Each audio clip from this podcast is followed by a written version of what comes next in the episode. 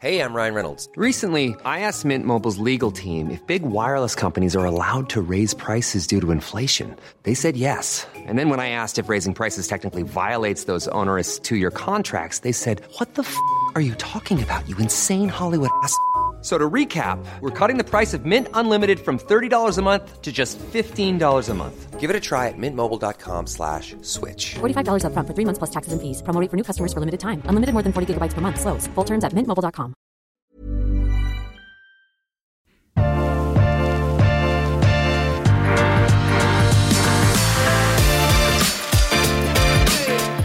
Yes, Den lyden betyr at vi er tilbake med en ny episode her av Ukens eh, vintips. En podkast presentert av Finansavisen og Kapital. Eh, Jeg er Jon Trygve, og jeg sitter her som alltid sammen med Svein, vinjournalist i Finansavisen og Kapital.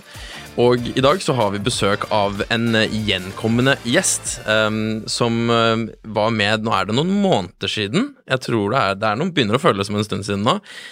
Pontus Dahlstrøm fra Kolonialen Bislett, du er her igjen. Tusen takk for at du møter opp her og sitter og snakker litt om vin med oss i dag. Ja, veldig, veldig hyggelig. Tusen takk for at jeg får komme. Jeg er jo glad i å snakke, så jeg stiller gjerne. Og um, sist gang så snakket vi om noe av det samme. Vi snakket om kvalitet i vin. var på en måte litt av temaet den gangen. Hva, hva er egentlig, Hvordan gjenkjenner man kvalitet i vin? Hvordan skal vi definere det? Og temaet for denne episoden, um, i hvert fall den delen av som vi har planlagt litt, er jo en type kvalitetsvin som kommer på en måte rett etter trøffelsesongen, så kommer på en måte burgundsesongen. og, og burgundsesongen, den eh, for oss her i, i Norge i hvert fall, så er den nå i, i, i starten av februar. Ja. Burgundslippet. Ja. Så eh, State of the Union da, Pontus. Hva, hva, hvor, hvor ligger vi an i Burgund? Hva er det vi tror vi kan forvente, og hva, hva er det å si? Vi snakket jo litt om det sist. Ja, altså for det første så kan vi jo sånn generelt sett uh, forvente et uh, totalt kaos. Uh, jeg har snakka med alle importører. Jeg er jo akkurat som private samlere og, og folk flest som vil ha tak i de gode tingene, så er det jo den der evige jakten. Denne jakten vi mannfolk er så glad i, bare si det er rype eller uh, samler på andre ting, så, så skal vi bare ha ting, og vi skal ha det beste, og vi skal ha mer enn eh, naboen eller uh, noen andre bekjente på, på kontoret. Og mer enn i fjor. Ja, og det er jo veldig interessant at du sier mer enn i fjor. Eh, for uh, her eh, Det første vi kan si, er bare senk skuldrene. Uh, Volumene er uh, ca. 30-40% av 17-18-årgangen. Mm. Så hvis du fikk tak i eh, tre flasker i fjor, Mm. eh, skal du være heldig hvis du får en i år. Eh, det kommer å bli eh, ramaskrik. Eh, folk har gjort eh, det ganske bra i 2021. Mm. Eh, det har vært gode tider, høy inflasjon og Dyreste boligsalgene vi har sett. ja, det var sikkert noen som gjorde det bra på børsrakettene i januar og har satt av litt penger til Burgund. Eh, det finnes ikke nok vin. Mm. Det, det, det er det første. Og da, da er det jo som det alltid er, og vår jobb som eh, liksom kommuniserer og snakker rundt det her, så er jo å finne the next big thing. Mm. Eh, finne de alternative tingene. Altså, alle snakker og kommer på restauranten og sier jeg skal ha en Mondraché. Eh, det er favorittuttrykket mitt. Så jeg har bare to eh, Le Mondraché. Eh, den ene er 15 000, og den andre er 20 Hvilken vil du ha? Eh, men det de da refererer til, er jo selvfølgelig Pouligny og Chassagne og Merceau og så videre. Fattern sier også bare at han er veldig glad i Montrachet. Så Ja. Du har ikke smakt Montrachet, tror jeg. Altså. Nei, men det er jo helt uh, Altså, alle er jo glad i Montrachet hvis du har smakt det. Det er veldig Det enkelt å si. Ja. Nei, så eh, egentlig liksom eh, Nå, nå skal vi Jeg har løftet fram da en en ny, faktisk, og en, og en uh, relativt ny produsent, og så litt alternative distrikter. Og jeg mener jo det er det som er interessant her, at alle kan eh, kjøpe Nell-aksjer når den har gått 400 og avisene Hegnar Media skriver eh, side etter side om eh, hvor hyggelig det var. Men å komme inn for sent, eh, så går det til helvete. Og sånn er det i vinen også. Altså, du må komme inn eh, før det skjer. Og, og det, det er jo egentlig vår jobb, da, eh, med å kommunisere det. Og så kan vi jo være så ærlige og si at jeg forteller jo ikke alt. Altså, eh, noe hemmeligheter må jeg også sitte på for å liksom eh, fylle opp min egen kjeller og fylle opp eh, på, på, på jobben, men det finnes jo ting som jeg har sikra meg i noen år, som vi kan begynne å slippe litt grann, info rundt, da. Men, men hva, hva, hvis vi begynner der Ja. um, Fordi eh, i dag så har du valgt ut to viner Ja. eh, og to burgundviner, og egentlig så er det jo litt motstridende kanskje at det skal finnes da noe superburgund tilgjengelig på polet Ja. Rett før slippet, som har kanskje ligget ute et år allerede, Ja. som ikke er utsolgt, samtidig som alle venter på, som du sier nå, viner man ikke får tak i. Ja. Men jeg, jeg føler at vi har en sånn tidsperiode egentlig på vin, eh, og det handler jo om eh, hvor ofte går folk på restaurant og drikker gode burgunder. Det er jo viner som eh, koster litt mer enn en medioker Rioja, for å si det sånn så. Og eh, jeg føler at fra når vi begynner å smake og oppdage ting, da, antingen internasjonalt liksom i eh, Europa og snakke med små restauranter i Burgund eller i Paris osv., eller gjennom de norske importørene, de flinke norske importørene som fanger opp ting tidlig, så går det ca. tre år til galskapen begynner blant eh, vanlige konsumenter som ja. liksom går på restaurant. Så jeg føler ofte at jeg, jeg, jeg klarer å bunkre opp to til tre årganger Mm. Og- som jeg får gode volumer, og deretter så begynner halvering på halvering på halvering i volum. Og der er du helt rett, eh, Pontus, at der har jo også Polet gjort en god jobb med at burgundslippet er mer nå andre vin eller ah, nye områder, godt prisete. Men det er en Montrachet-kvalitet, altså ja. Grand Cru-kvalitet, den, den er mer sjelden. Og selvfølgelig vanskelig å få tak i viner, men de er flinke til å ta inn nye. Ja. Eh, og vinene som du har valgt ut, spesielt den ene i dag, er jo et veldig godt eksempel på det. Ja. Og, og e- egentlig tanken her er jo å løfte fram en, eh, kall det en ny produsent som lagde første årgang i 2017, og litt background info der, og så er vi liksom da på alternative viner. Eh, eller alternative viner er jo feil, vi er jo i hjertet av Burgund, men eh, Monteli, eh, da, som ligger eh, enkel bimerke, eller Le Clou, eh, rett på grensen til Oxydures.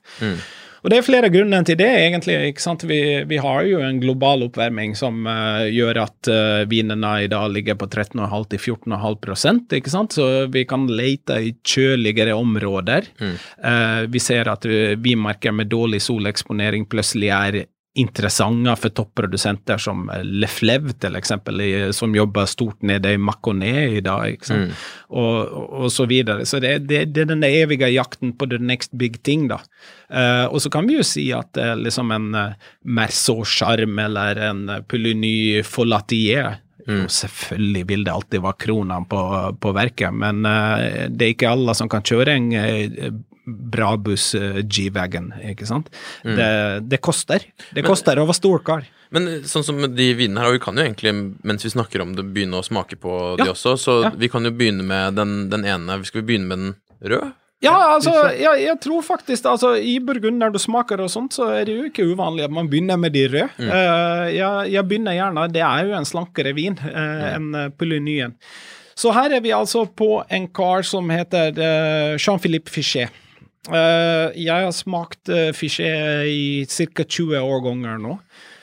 Og eh, han er en del liksom av et Kall det fyrkløver i, i Messot, hvor uh, de andre tre bladene da er uh, Dominique Lafont uh, fra Comte Lafont, som eh, faktisk har pensjonert seg, og døtrene har tatt over. Samtidig som han jobber med et nytt prosjekt, eller eget prosjekt. Som kommer i nest, ja, kanskje i år allerede. Første Ja, årgang Ja, til, til første Norge. årgang kommer i år. Ja, som er verdt å, å følge med. Vi kan spare det til neste podkast. Ja.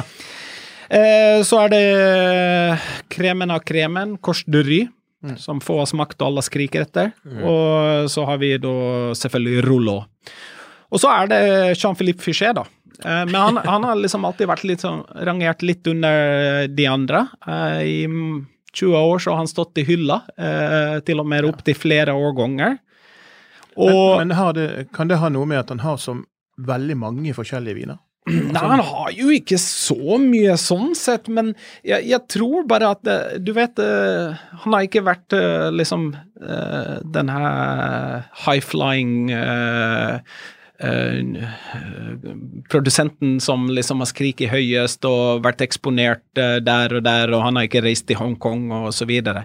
Men det Jean-Philippe har gjort, er jo at han har jobba i vinmarkedet. Og hvem som helst nede i Kottebånd som du snakker med av produsenter, så alle bare sier det fins ingen som jobber i vinmarkedene som eh, Jean-Philippe Fischer. Han er en maskin. Hva, hva betyr det? Hva er det han Nei, gjør, da? eh, altså, tingene er liksom eh, effektiviteten, altså eh, den her forståelsen for at uten gode druer, så lager du ikke god vin. Mm. Så eh, liksom, det har jeg jobbet i vinmarkene, eh, og han, han er en racer. Jeg vet at når han har plukka ferdig, så går han ikke inn i kuveriet, utan han går til vennene sine og fortsetter å plukke for kompisene. Jeg, jeg møtte han en gang, og da husker jeg at han, han hadde ikke Jeg kom jo der med va- nyvaskede hender, og sånn, så han bare med de grove arbeiderhendene med jord og det hele. Sånn, Ja, han er ekte bonde. Så han at jeg er reagerte på det. Og her, her, skal vi, her skal vi eh, liksom eh, Litt mer av background info. ikke sant? Han, eh, han begynte i 81, hvis jeg husker, og så videre. Så lenge, så lenge jeg liksom jobba med han, så har han egentlig vært en sånn produsent som jeg litt glemmer hele tida. Han har alltid vært der. og så har jeg kjøpt en Merceau, så har jeg kjøpt uh, Le Tesson, enke og kuven som er tilgjengelig. Eh, Borgon Blad og litt, litt sånne ting. Og så glemmer jeg det igjen. Men så har det vært en gradvis kvalitetsøkning. Og siste checkup eh, på, på han, så sier jeg at eh, 2020-årgangen er det beste han har gjort. men det hadde vært en sånn under radaren, jeg også. Jeg, jeg Ja. også. Når du kom med disse vinene her eh, til oss, og tenkte åh, han er lenge siden. Så slo jeg litt opp eh, hvordan det sto til med smakinga. Jeg har smakt i mange år, sånn. men det har liksom ikke vært de store poengene. Eh, Nei, det har ikke de. Nei, og så er det jo som så at det er jo ikke alt som smaker best når journalistene smaker det når det lanseres. Gi det tid. Altså hans 15 nå Mm. Det kosta 450 kroner for Villasjen i 2015-årgang. Helt smashing. Nei, fordi det, det, jeg stusset eh, litt over Jeg har ikke smakt det her før. Og så, og så så jeg hvilke viner vi skulle ha, og så så jeg at det kostet drøyt 400 kroner. Ja, ja, ja. Og så tenkte jeg, når var sist jeg eh, Og da hadde jeg ikke smakt denne her, da. Nei. Når var sist jeg drakk en, en rød burgund til 400 kroner og syntes det var kjempegodt? Ja. Fordi, og, så, og så måtte jeg dobbeltsjekke meg selv, så jeg gikk og så litt hva som var tilgjengelig på, på polet, og hva folk Ja. hadde.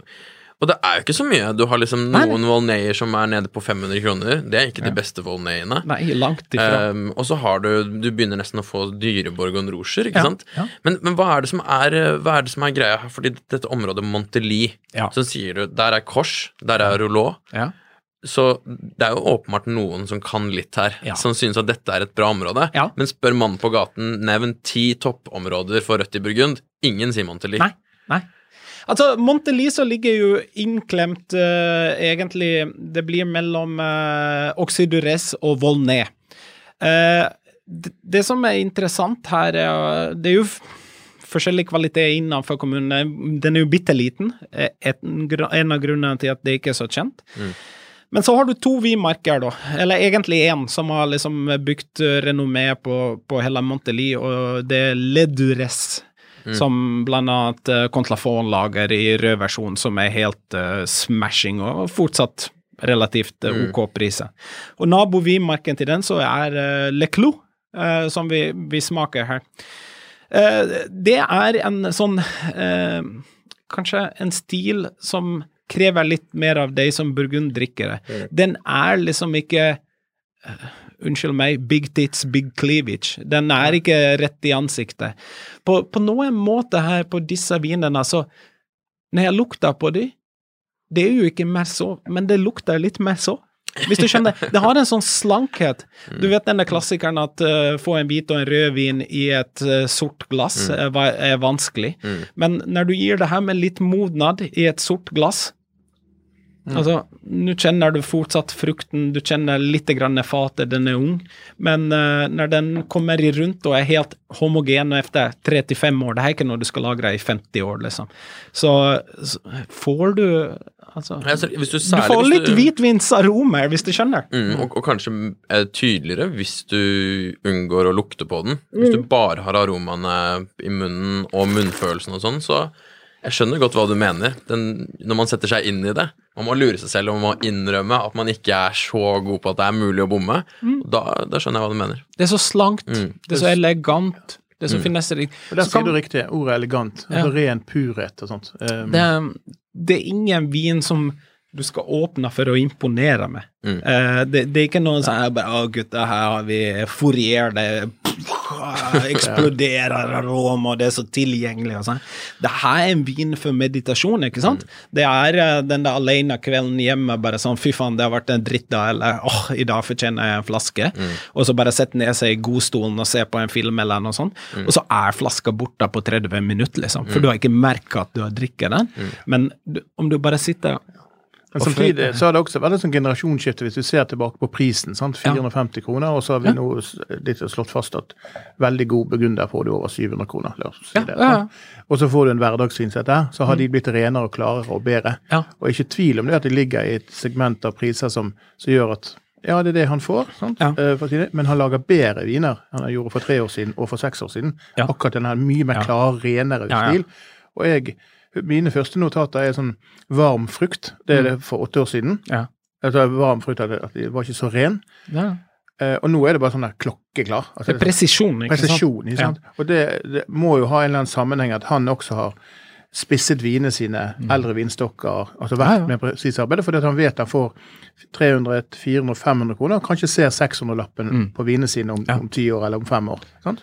Ja, men, men spørsmålet er liksom Vil han dit, da? Uh, altså, Ja. det er jo Det er jo en kjensgjerning jeg, jeg, jeg, jeg, tror ikke at eh, Jean-Philippe Fichet internasjonalt kommer å bli eh, the next big thing.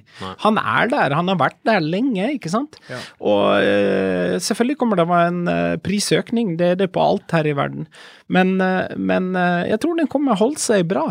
Det, men det er litt sånn, eh, nå vet jeg ikke hvor mange lyttere dere har, men eh, nå vet dere om det, ikke snakk videre. Liksom, hold, det, hold fi- Fichet for dere sjøl. ja, Vi får litt kjeft at vin er utsolgt på, på kort tid. Ja, men det er jo bare det sånn, Men- sånn er det med alt, ikke sant? Hvis du ikke er der når det skjer, så kan du ikke f- sikre det. Men man kan alltid ta notater til neste år, og legg det gjerne i balken og huske. Yes. Men jeg kan fortelle Men, deg men jeg må bare ta en liten story. Uh, for her har det vært en brann i vineriet uh, 20. mai i fjor. Så uh, 20. mai, fire-fem på morgenen, kjørte en eh, håndverker eh, forbi vineriet som, eh, til Fichet som ligger rett ned ved riksveien, og ser røykutvikling. Eh, ringer i alle bjeller, ringer politi, brannvesen til uh, Fichet og uh, vekker de, for det skjedde jo selvfølgelig på natten. Så hele taket i vineriet uh, brant opp. Alt datt ned på fatene. Ja. Eh, det meste har klart seg. De har gjort masse kjemiske analyser og sånt, så alt det hvite har klart seg. Men eh, 2019-årgangen kommer. Ja. 2020 er gone. Hele 2020. Hele 2020. Av de, Eh, av uh, Monteli eh, Rouge. Så uh, Alt gone? alt gone. Så det kommer ikke noe? Nei. Det kommer ikke. It doesn't exist. Så i, igjen, liksom, det er litt sånn her background info. Eh, så kan du jo si at han har jo kostnader. Mm. han skal jo leve, han skal betale sine ansatte og så videre. Mm. Så Ennå skjer med en, 2019, eh, da. ennå en grundig prisøkning. Så Ja, det, det, den- den, kommer, den kommer nok. Men eh, så, så den her, liksom uh, Le Clou eh, Hvis eh, lytterne her nå er flinke og sikrer seg 19-årgangen, Mm. så, eh, så går det i hvert fall to år, eh, eller tre år til eh, 2021 kommer. For det vi drikker nå, er 2018. Det er 2018. Det er 2018. Så 2019 var i flaske. 2021 uh, var i vinmarkene, om vi sier som så. Det var jo i mai dette skjedde, i slutten av mai, rett ved blomstring. Og eh, Så han har jo fått det. Jeg vet ikke hvor vin lagres eller så videre, men taket på vineriet var helt forstørt, og liksom taket raste ned brennende elementer på fatene og alt sammen, så alle fat er forstørt. Han har masse store investeringer på nye Francois Frère-fat og, osv. så videre. Så kjøp Fichet nå. Det er verdt en tur til Sandefjord, eller hva det måtte være, på vei til hytta på Sørlandet, tenkte jeg å si, men det er kanskje fjellet akkurat nå. Tøm, tøm 18. Og når Tøm, 19 eh, kommer nå tøm den i får. Uh, jeg, har, jeg har gjort mitt jobb. Uh, jeg har plukka mitt. og resten er deres. Det var det gode rådet i dag. Ja. Pontus har vært og plukket, nå er resten til dere. Men eh, når du kom med disse vinene, og vi var ute og handlet i, så eh, var jo det litt overraskende. For det at, eh, som du sier, Jørn Trygve, prisen på denne her er jo relativt rimelig. sant? Eh, og når vi nå smaker den, så må jeg si det at dette her smaker mye bedre enn det koster. Jeg bare, jeg bare ser for meg Jeg har hatt noen samtaler om de siste dagene. Når vi sitter og sier at en, en vin til 400 kroner fordi det er burgund, det er rimelig, og, og så skal Egentlig så kanskje skulle det kostet 600 kroner eller 700 kroner. Og så er vi rett rundt hjørnet på, på 2019-slippet, som det sies her. ikke bare 30-40% mindre, men 30-40 dyrere. Ja. Gjør det et par ganger til, og så koster den vinen her 1000 kroner, ikke sant? Og det er eh, Jeg vet ikke hvor mange år det tar, men eh, jeg har hørt så mange ganger folk si um, om da de drakk vin før jeg ble 18, om hvor rått det var, hvor tilgjengelig det var. Ja. Og så Det er helt merkelig å sitte og tenke på at dette også kan hende det er the good old days. Ja, men det, er, det, det blir sånn. Ja. Ja, altså, det, det, Burgund er som uh, boligprisene i Oslo de siste 30-40 åra, ikke sant? Alle bare sånn Nei, nå har vi nådd taket. Nå har vi Yes. nådd taket. Nei, nå går det. Hva var det de sier i siste, siste episode av The Office? Jeg skulle ønske at noen kunne si meg mens jeg var i the good old days, at jeg var i the good old days. Ja, ja. ja. Og det er kanskje det vi sitter og spekulerer i nå. Men, men vi er jo privilegert i, eh, i Norge. sånn, Vi kan klage på at det er dyrt, men du skal være glad for at du ikke bor eh, på Manhattan eller i London og så videre og har en fascinasjon eller en fetisj for burgundviner. burgundviner. For uh, that could break the bank. Ja, altså- Eh, det, er, det, er, altså, det er så billig Ja, å er billig. kjøpe burgund i Norge. Det er så billig å gå og drikke uh, burgund på restaurant. Mm. Jeg fortalte historien om han eh, eh, finansmannen fra New York som kom og bestilte Chablis på Kolonial. Nei. Nei. han uh, uh, single diner, ikke booka bord, kommer inn. Uh, dere kjenner vinduet til venstre. Uh, får sette seg ned, bare bestille to retter, førrett og fiskhovedrett. Tar vinkartet. Og så uh, sier han å, lenge siden jeg har smakt uh, noe særlig Dovisa. Så jeg tar én av alle i 17-årgangen. Så han bestiller La Forêt, -hmm. uh, Vaillon, Séché. Alle tre premiekruer. Mm. Preus, Le Clos, Grand Cru. Han er alene, så han bestiller fem flasker vin. Og så sier jeg, "Eh, men hva, kommer det flere? Han bare, nei, nei, jeg vil bare smake. Ja.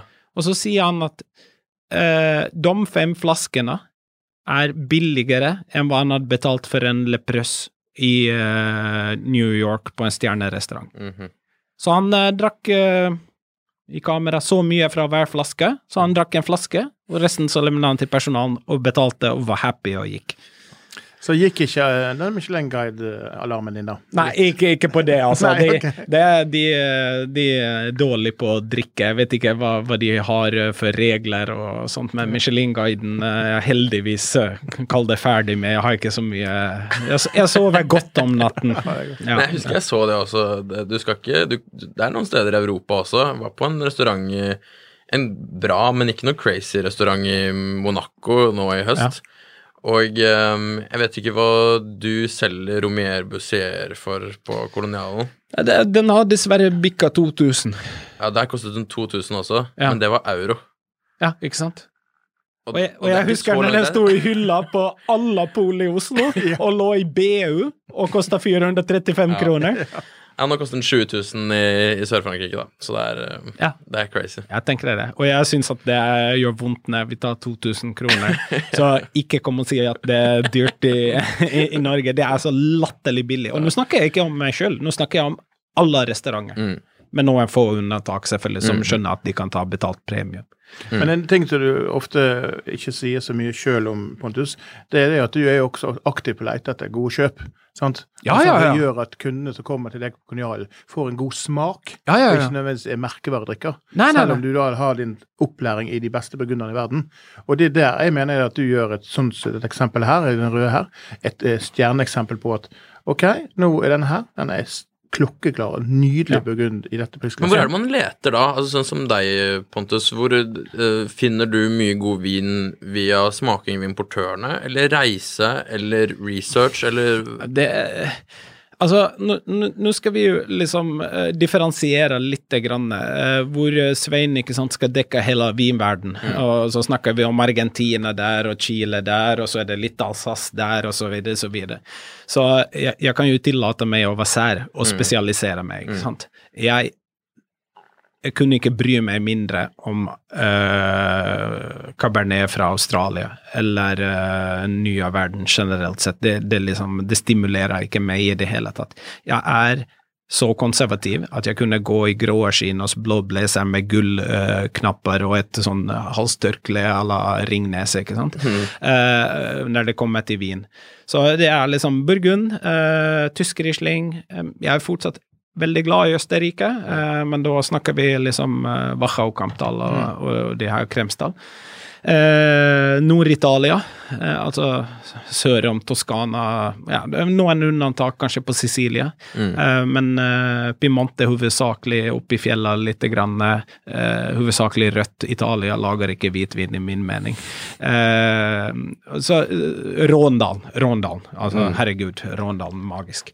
Men, eh, men eh, liksom, det er jo Burgunden som jeg sitter og googler og spør Eller litt sånn rykte, hvem har blitt sammen med hvem, og hvem har fått barn, og hvem kommer å arve de Og her, og her kommer Pontus inne på det vi har snakket om mange ganger, eh, Jon Trygve.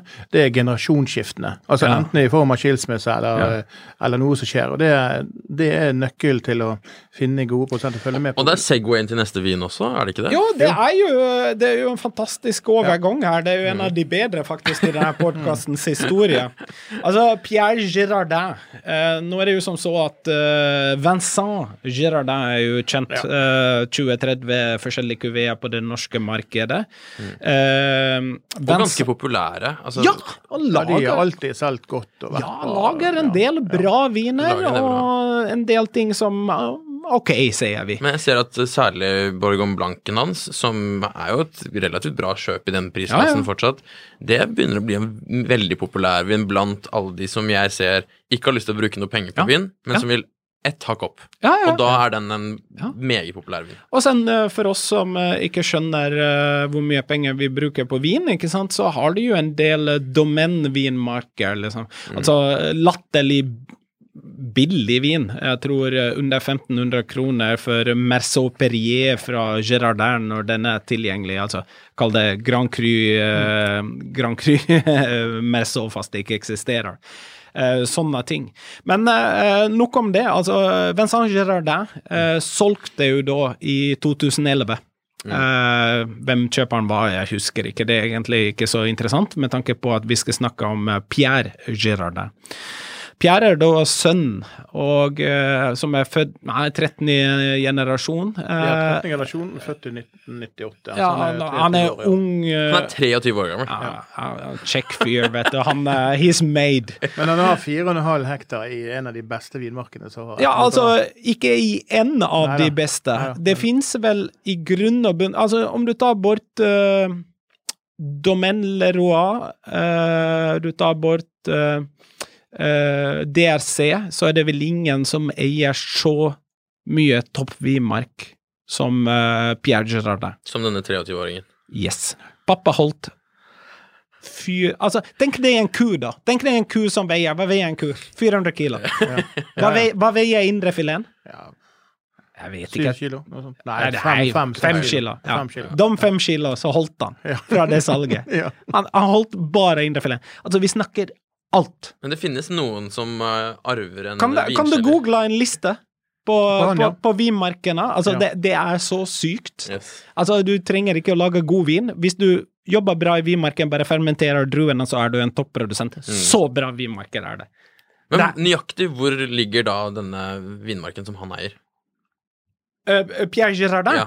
han eier ikke én, han eier 25 parseller. Han eier 25 parseller? Ja, ja, så ja. Så alt er bitte, bitte smått. Det er ett Ah. fat, det er tre fat, det er, det er ikke ett lite sted, Nei, nei, det nei, er nei, nei, nei. 25 små Det er hele uh, Côte år. Oh, ja. Eh, men akkumulert så er det liksom mindre fileten på kua, da. Vi skal se her når Svein kommer opp uh, Ja. med en liste her, bare med noen eksempel på hva han eier. Ja, først og fremst så er du helt rett i at han sitter bare på kremeiendommen. Her, her snakker vi om sånn 40-talls små vinmarker, eh, eller viner som han lager ut fra Parmesan, Montrachet, eh, du har eh, Montelier, ja, Pomar, Chambertin, Vostormani.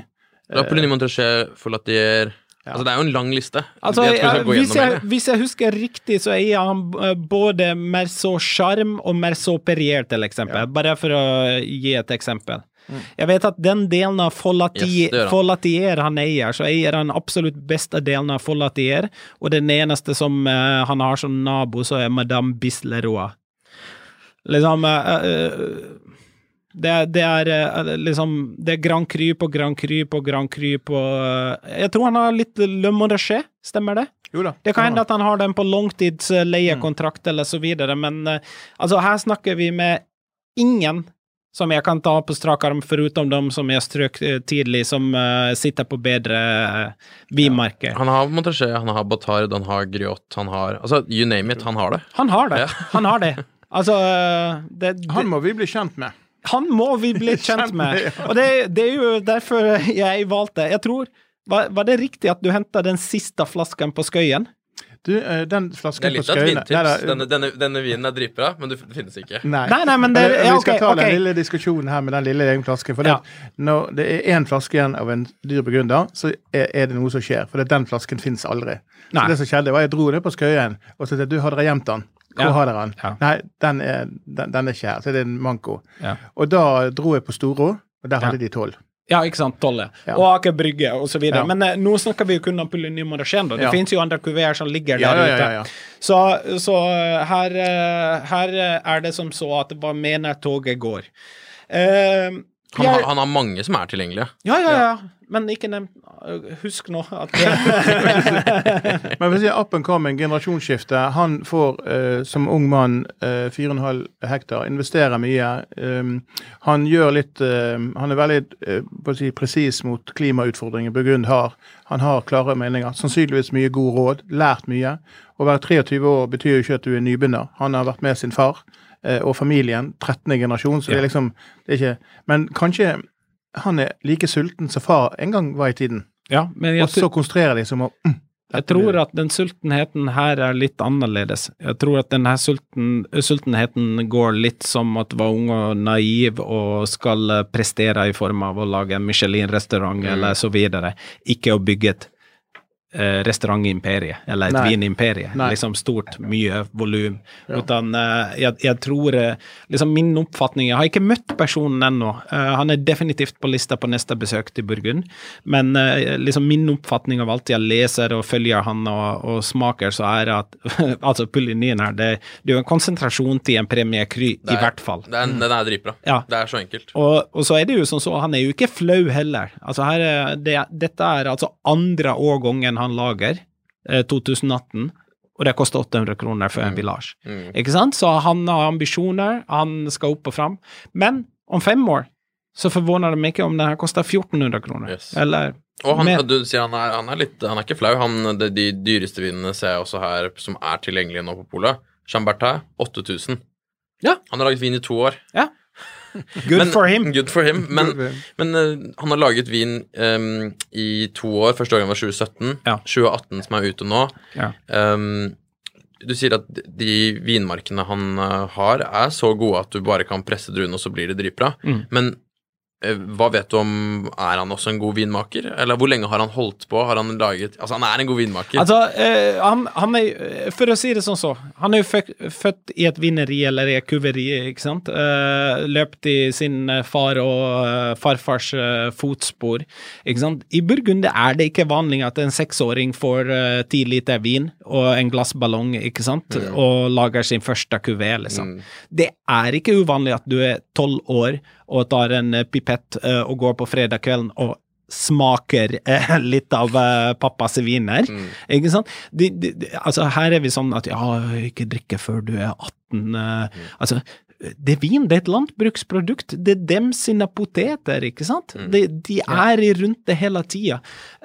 De har smakt med flere generasjoner, med familie, venner. Eh, hver middag så har de smakt vin i store mengder. De har smakt naboen, de har smakt han over gata, de har smakt egne viner osv. Dette handler jo om eh, referanser, ikke sant?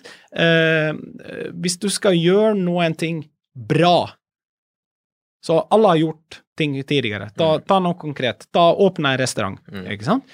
Så hvis du kun fokuserer på det positive, og tar liksom alle de gode tinga, 'Å, den er bra derfor, den er bra derfor, den er bra derfor, så er det lett at du kan gjøre mange feil. Men hvis du tar og snur på det, og tenker at vi skal ikke gjøre den feilen han gjør, vi skal ikke gjøre den feilen de gjør, eh, vi skal ikke gjøre den feilen hun gjør i Wien, så sitter du igjen med bare en del positive valg. At jo, men eh, da må vi gjøre det sånn, da må vi gjøre det sånn, eller sånn. Og alle tre er positive. Hvilken retning vil vi gå? Altså Skjønner ni hvor jeg vil hen? ikke sant? Og det, det er det du får med å smake. Så når jeg smaker en vin, så jeg trenger jo ikke å, å liksom uh, sitte her og selge vin og, som en importør, til eksempel, eller som en vinjournalist og kommunisere. Jeg går jo bare inn i glasset og bare sier hva er det for feil på den her, da? Og begynner å lete etter det negative. Desto færre feil det er i vinen, desto bedre er den. Så enkelt er det.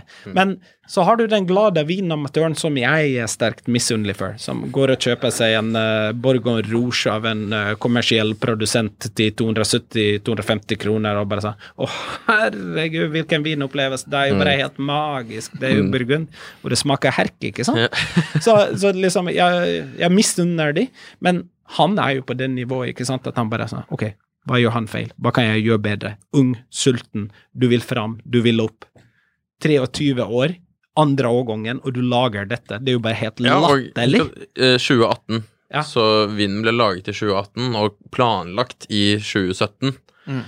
Det er fire-fem år siden. Og da var han 18. Jeg gidder ikke å spytte det her, er altså. Nei, jeg, jeg, jeg, Ingen av oss spytter nå. altså. Ok, uh, skal vi ta hvit burgund 18, for jeg Mm. tror at det er veldig sånn misoppfatta. Yes. Ja. Uh, rød burgund 18, med unntak av uh, Montelli, som er slankt, elegant og finesserikt, så er jo det litt svulstig, litt stort, det er litt varmt. Eh, alkoholen her på etiketten er så lite skrevet. Ja, det står 13 så er det relativt tidlig i høstet, da. Men det er jo viner som potensielt kan bli ganske svære og klumpete. Og de var ekstremt eh, fruktdrevne og litt sånn uh, kjedelige når de kom.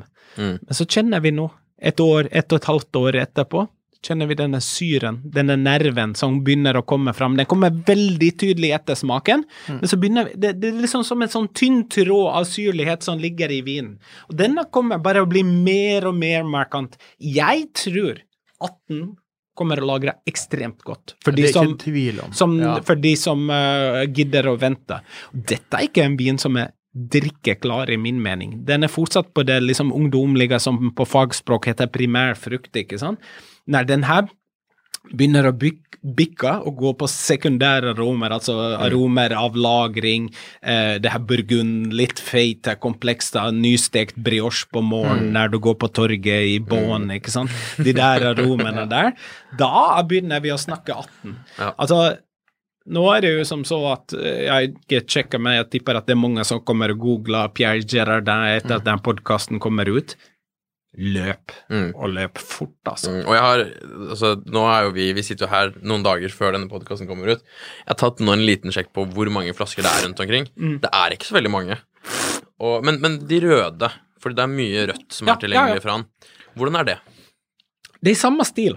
Ja. Eh, jeg vil si det er nok en stil som går mot eh, det, Kan vi si trendy, uh, i form av at det er en opulent, uh, tilgjengelig frukt. Eh, nå er det jo som så at de produsentene i Burgund som høster høyest lovord, er eh, liksom de mest flashy, fruktdrevne straight in your face-vinene som uh, Fourier, Licher Belair Alle skal drikke det. Det er bare sånn, det er the holy grail. Syns ikke det er så jævla moro ja, at vinen alltid skal være liksom å vise seg fra sin beste side og bare frukt og bare frukt. Jeg liker dem litt trange, jeg liker dem litt vanskelig, jeg liker dem litt whole cluster, eh, litt uh, tannin som jeg sier bare å faen, det gjør litt vondt. Men du liker også, eh, eh, Pontus, forskjeller. Sant? Ja, ja, absolutt. Altså, at, at en vin har en karakter av syrlighet, den har en karakter av, eh, som ung av eh, grønne tanniner, eh, umodenhet, hva det måtte være. Men eh, det går an å lage de smodeste viner, drikkeklare, leskende, lette. sant? Og så får du denne alle toppfrukten, toppfrukten Ja. som alle jakter etter. Og så kobler du det alltid mot mat. Ja, eh, det gjør jeg. Eh, Nå i det siste, i covid, så har jeg jo drukket mye uten å spise. det må jeg jo si at det har vært en, eh, en, en trøst. Men jeg er liksom denne, Jeg, jeg syns jo at burgunderne, når- denne stilen kom, liksom med den opulente, tilgjengelige, eh, sjenerøse, eh, litt flørtende med na, eh, naturvin, Pri- Prierock til eksempel, mm. biodynamiske produsentene og så videre sånn tidlig 2000-tall, så syns jeg det var spennende, men eh, jeg eh, graver meg oftere og oftere ned i Cottebone, altså. Mm. litt eh, tranga eh, Hvilke produsenter er det du tenker på nå? Nei, altså, før jeg sier eh, eksakte produsenter, så skal jeg bare si litt grann om trenden eh, som jeg ser på kolonialen. Vi, vi kjøper mye burgund, og vi kjøper bredt. Om vi skal ta topprodusenter, så har jeg vel nå to-tre flasker uh, Licher Belair igjen i kjelleren av siste årgang. Alt annet er solgt, og at de er helt uh, latterlige priser. Han er jo dyrere enn uh, en, uh, Romane Conti om dagen, ikke sant. Ehm, Fourier har jeg vel to-tre flasker eh, liggende. Resten er solgt i alle årganger. Begynner å bli ganske kostsomt. Men er det planlagt at du går tom rett før Nei, det går. Det har, det har blitt en sånn naturlig produksjon. Vi, hvis eh, vi ikke hadde hatt uh, syv måneder lockdown, så hadde jeg vært tom på alle flasker. Men nå snakker vi altså rød burgund eh, som koster 5000-7000 kroner, ikke sant? Men så sitter jeg med 30 varelinjer fra alle årganger fra Eller nesten alle vinmarker siden 2014. Eh, For vi åpna jo altså da i 2016, så det var 14 første årgangen vi åpnet på, eller kjøpte på kolonial av Marquis de Angeville. Ja. Jeg sitter Sier med du? Hvorfor er ikke det sagt, da? Nei. For du har ikke det skrevet opp, du. Jo, jeg har det. Alt er på lista. Jeg har 35, 30, 35. Jeg har Det boka klå... bord på Men jeg syns jo det er en ganske Jeg vil ikke kalle det om, om, hypet, men det er en veldig populær produsent. Ja, men det er ikke sexy. Er det ikke Det er ikke nok? sexy nok. Mm. Det, det er ikke det her uh, Se, jeg har teipa opp min uh, nye Jeg vet ikke hva det heter, sånn uh, el-Porsche. Sånn wannabe-Porsche. Hva heter det? Taycan. ikke sant? Jeg har teipa opp den i en sånn kul neonfarge, så at alle skal se på meg. Mm. Den er ikke sånn Altså, Demonti, Taipjed, Mm. Demonti, Mittan Altså, får du ikke gåsehud av det? Altså, Nå snakker jeg jo egentlig som en 70-årig gammel eh, akademiker fra Blindern som har vært glad i vin siden 72, ikke sant? Det, de skjønner hva jeg snakker om nå. Men eh, den her, kall det nye, unge generasjonen som sitter med snurrebart og tatoveringer på underarmen og morsomme luer, og er glad Jeg ser, jeg ser barten og tatoveringen din. ja, ja, ja, ja, ja, men jeg spiller på ironi, ikke sant? De, de skjønner ikke hvor jævla bra dette er.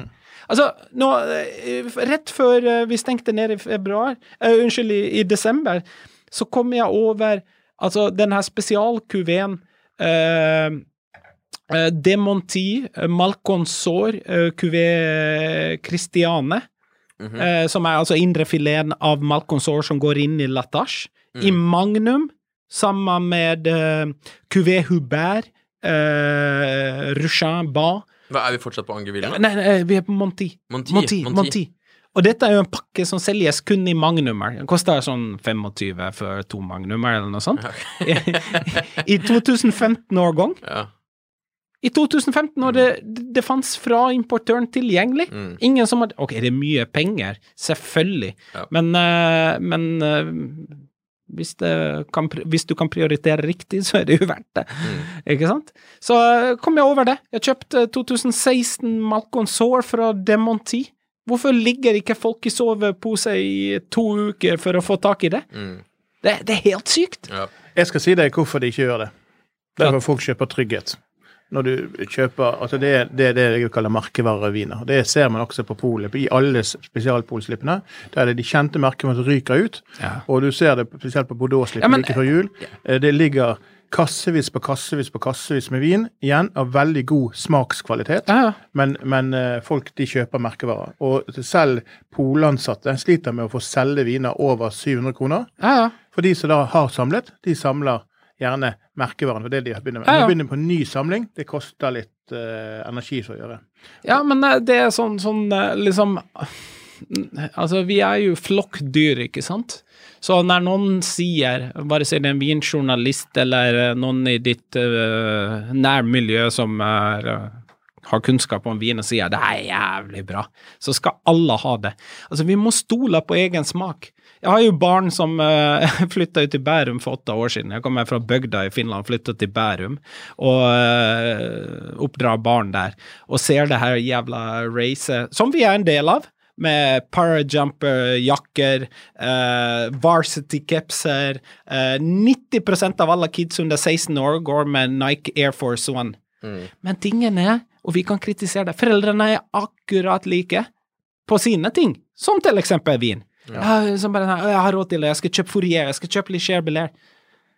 Ja, så gjør det, da. Da drikker jeg Marquis Angeville ja, og kjøper det i bøtter og spann, for at dere jakter det samme.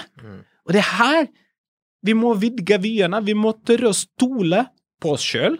Vi må bruke litt mer på å Bruke til- litt mer tid på research. på å tilnærme oss kunnskap. Mm. For tingen er at dere som lytter, dere som kjøper burgunderen for 800 kroner, dere er vellykka folk. Dere har brukt masse tid på liksom uh, tilnærme dere kunnskap innenfor deres fagfelt, ikke sant? Mm. Gjør det litt på vin, gjør det litt på mat. Feile, ja, det hører til, det er derfor vi blir bedre. Altså, han som er best på det han driver med, det er han som har feila flest ganger, men han har reist seg igjen og igjen og igjen. Og sånn er det på vin òg. Fy faen, det var mye drittflasker vin jeg har kjøpt. Altså, for å skjønne god vin, så må du drikke mye dårlig vin. Folk som kommer rett og begynner å drikke det her, de skjønner ikke hvor bra det er, ikke sant? Men jeg tror, jeg tror eh, nå som vi begynner å nærme oss en time og vi, det, Er det sa, er det en time allerede? En, time allerede. Herregud. At, eh, at det er litt sånne visdomsord og, og litt, en liten oppfordring også, som det egentlig er fint, å, fint å avslutte med. Og det fine, Pontus, er at eh, vi kunne sittet her en time til, og, og det beste er jo da at da må vi bare passe på at det ikke tar like lang tid siden, siden sist. Ja, ja. okay. Um, så med de ordene, Pontus, så, så, så runder vi av dagens episode. Og eh, for du som hører på nå og har hørt mang en oppfordring om sjekk ut disse vinene, google, prøve å få tak i de. Eh, linken til de, de finner du i podkastbeskrivelsen. Um, og vi linker også til eh, produsentene ellers. Du finner oversikt over alt de produsentene har. Så eh, lykke til med jakten. Det kan hende at vi, vi som sitter rundt bordet her, skal passe på å få tak i én eller to flasker før alt forsvinner. Um, men um, med det så er det bare også en liten tur til, til eh, Burgundslippet, og da vet vi også nå at hvis du får litt mindre enn før, eller koster litt mer, så er det, det er verdt det, for kanskje blir det verre neste år også. Det blir verre. Det blir verre. Takk for i dag, og vi ses neste, høres neste uke. Takk for nå. Head over to Hulu this March, where our new shows and movies will keep you streaming all month long. Catch the award winning movie Poor Things, starring Emma Stone, Mark Ruffalo, and Willem Dafoe. Check out the new documentary, Freaknik The Wildest Party Never Told, about the iconic Atlanta Street Party. And don't miss FX's Shogun, a reimagining of the epic tale, starring Anna Sawai. So, what are you waiting for? Go stream something new on Hulu. Ukens vindtips med Svein er en Finansavisen-podkast. Programleder er Svein Lindin, produsent er Lars Brenden Skram, og podkast- og videoansvarlig er Marius Mørk Larsen. Ansvarlig redaktør er Trygve Hegdar.